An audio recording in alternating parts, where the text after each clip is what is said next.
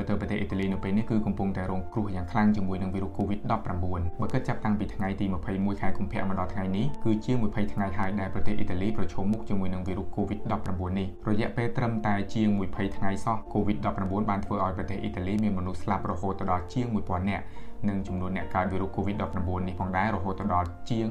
170,000នាក់រដ្ឋាភិបាលអ៊ីតាលីបានចេញនយោបាយឲ្យបិទការធ្វើដំណើរចេញចូលរវាងប្រទេសនិងប្រទេសបិទហាងបិទផ្សារទំនើបនិងកន្លែងកម្សាន្តនានាដើម្បីហាមមិនឲ្យប្រជាជនអ៊ីតាលីដើរចេញមកក្រៅផ្ទះបើគិតពីចំណាត់ថ្នាក់នៃការកើតវីរុស COVID-19 នេះដែរឃើញថាប្រទេសអ៊ីតាលីគឺជាប់លំដាប់ថ្នាក់លេខ2លើពិភពលោកបន្ទាប់ពីប្រទេសចិនកត្តាវីរុស COVID-19 នេះដែរគឺបានធ្វើឲ្យប្រទេសអ៊ីតាលីមានការធ្លាក់ចុះលើគ្រប់វិស័យតាមការសន្និដ្ឋានរបស់អ្នកវិទ្យាសាស្ត្រសេដ្ឋកិច្ចបានសន្និដ្ឋានថាប្រទេសអ៊ីតាលីអាចនឹងមានវិបត្តិ GDP ធ្លាក់ចុះរហូតដល់1.2%ឯណោះហេតុការណ៍នេះដែរបានបង្ហាញឲ្យប្រទេសកម្ពុជាយើងឃើញថា COVID-19 ជាវីរុសមួយដ៏កាចសាហាវអាចបំផ្លាញប្រទេសមួយដែលរីកចម្រើនឲ្យធ្លាក់ចុះដុនដាបជាដំណំដូចជាប្រទេសអ៊ីតាលីនិងប្រទេសចិនជាដើមខ្ញុំលើកប្រទេសអ៊ីតាលីនេះមកនិយាយនៅក្នុងវីដេអូនេះគឺខ្ញុំចង់ឲ្យប្រជាជនខ្មែរទាំងអស់បានឃើញពីឧទាហរណ៍នៃការធ្វើប្រហែសរបស់ប្រទេសអ៊ីតាលីមូលហេតុដែលប្រទេសអ៊ីតាលីមានការឆ្លងរីករាលដាលវីរុស COVID-19 យ៉ាងលឿននិងឆាប់រហ័សដល់កម្រិតនេះគឺដោយសារតែការធ្វើប្រហែសមួយចំនួនដូចជា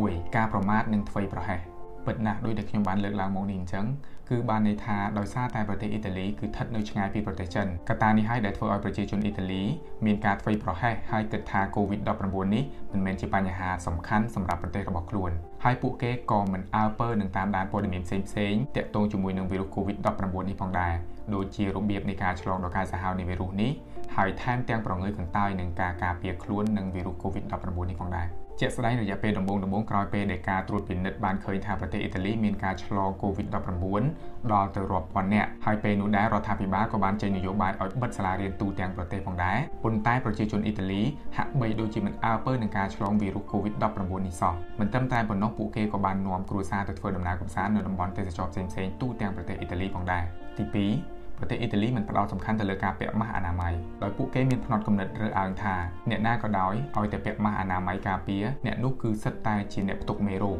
អ្នកមានជំងឺផ្សេងៗក៏ដូចជាមានសុខភាពទន់ខ្សោយជាក់ស្ដែងថ្មីៗនេះដែលមានហេតុការណ៍មួយដែលទៅតែនឹងកើតឡើងទាក់ទងជាមួយនឹងការប្រើប្រាស់អំពើហិង្សាទៅលើជនជាតិចិនម្នាក់ដែលគាត់គ្រាន់តែពាក់ម៉ាស់ការពារដើរនៅលើទីសាធារណៈសោះក៏ត្រូវបានគេព្រួតវាយដោយគ្មានមូលហេតុថែមទាំងប៊ូលីបង្អាប់គាត់ថាអានាំរោគ អានាំជំងឺផ្សេងៗមកចម្លងដល់ជនជាតិគេក្នុងនោះដែរមិនត្រឹមតែជនជាតិចិនម្នាក់នោះទេដែលត្រូវបានគេ bullying ឬបង្អាប់តែនៅមានប្រជាជនថៃមួយចំនួនទៀតដែលទៅសិក្សាក៏ដូចជាទៅធ្វើការនៅទីនោះត្រូវបានគេរើសអើងនិង bully បង្អាប់ពេលដែលគាត់ពាក់ម៉ាស់ការពារដើរចេញនៅទីសាធារណៈ3វប្បធម៌ការស្វាគមន៍គ្នាយើងទាំងអស់គ្នាដឹងស្រាប់ហើយថាជនជាតិអ៊ីតាលីពេលដែលជួបគ្នាម្ដងដងគឺមានការស្វាគមន៍ដោយការចាប់ដៃអោបថើបថ្ពាល់នឹងថ្ពាល់ឬប៉ះពាល់គ្នាផ្សេងៗដែលវាងាយនៅក្នុងការចម្លងពីម្នាក់ទៅម្នាក់ ពី10នាក់ទៅ100នាក់ពី100នាក់ទៅ1000នាក់ដោយដែលយើងបានឃើញស្រាប់ហើយនៅព័ត៌មានមួយដែលល្បីទូទាំងពិភពលោកក៏ដូចជាព័ត៌មានមួយដែលប្រជាជនខ្មែរយើងគួរតែមានមោទនភាពដោយសារតែព្រះអង្គម្ចាស់ឆាលីរាជទាយាទនៃចក្រភពអង់គ្លេសព្រះអង្គបានយកការសំពះស្វាគមន៍គ្នារបស់បុព្វបុរសខ្មែរទៅប្រើប្រាស់ដើម្បីស្វាគមន៍គ្នានៅលើឆាកអន្តរជាតិ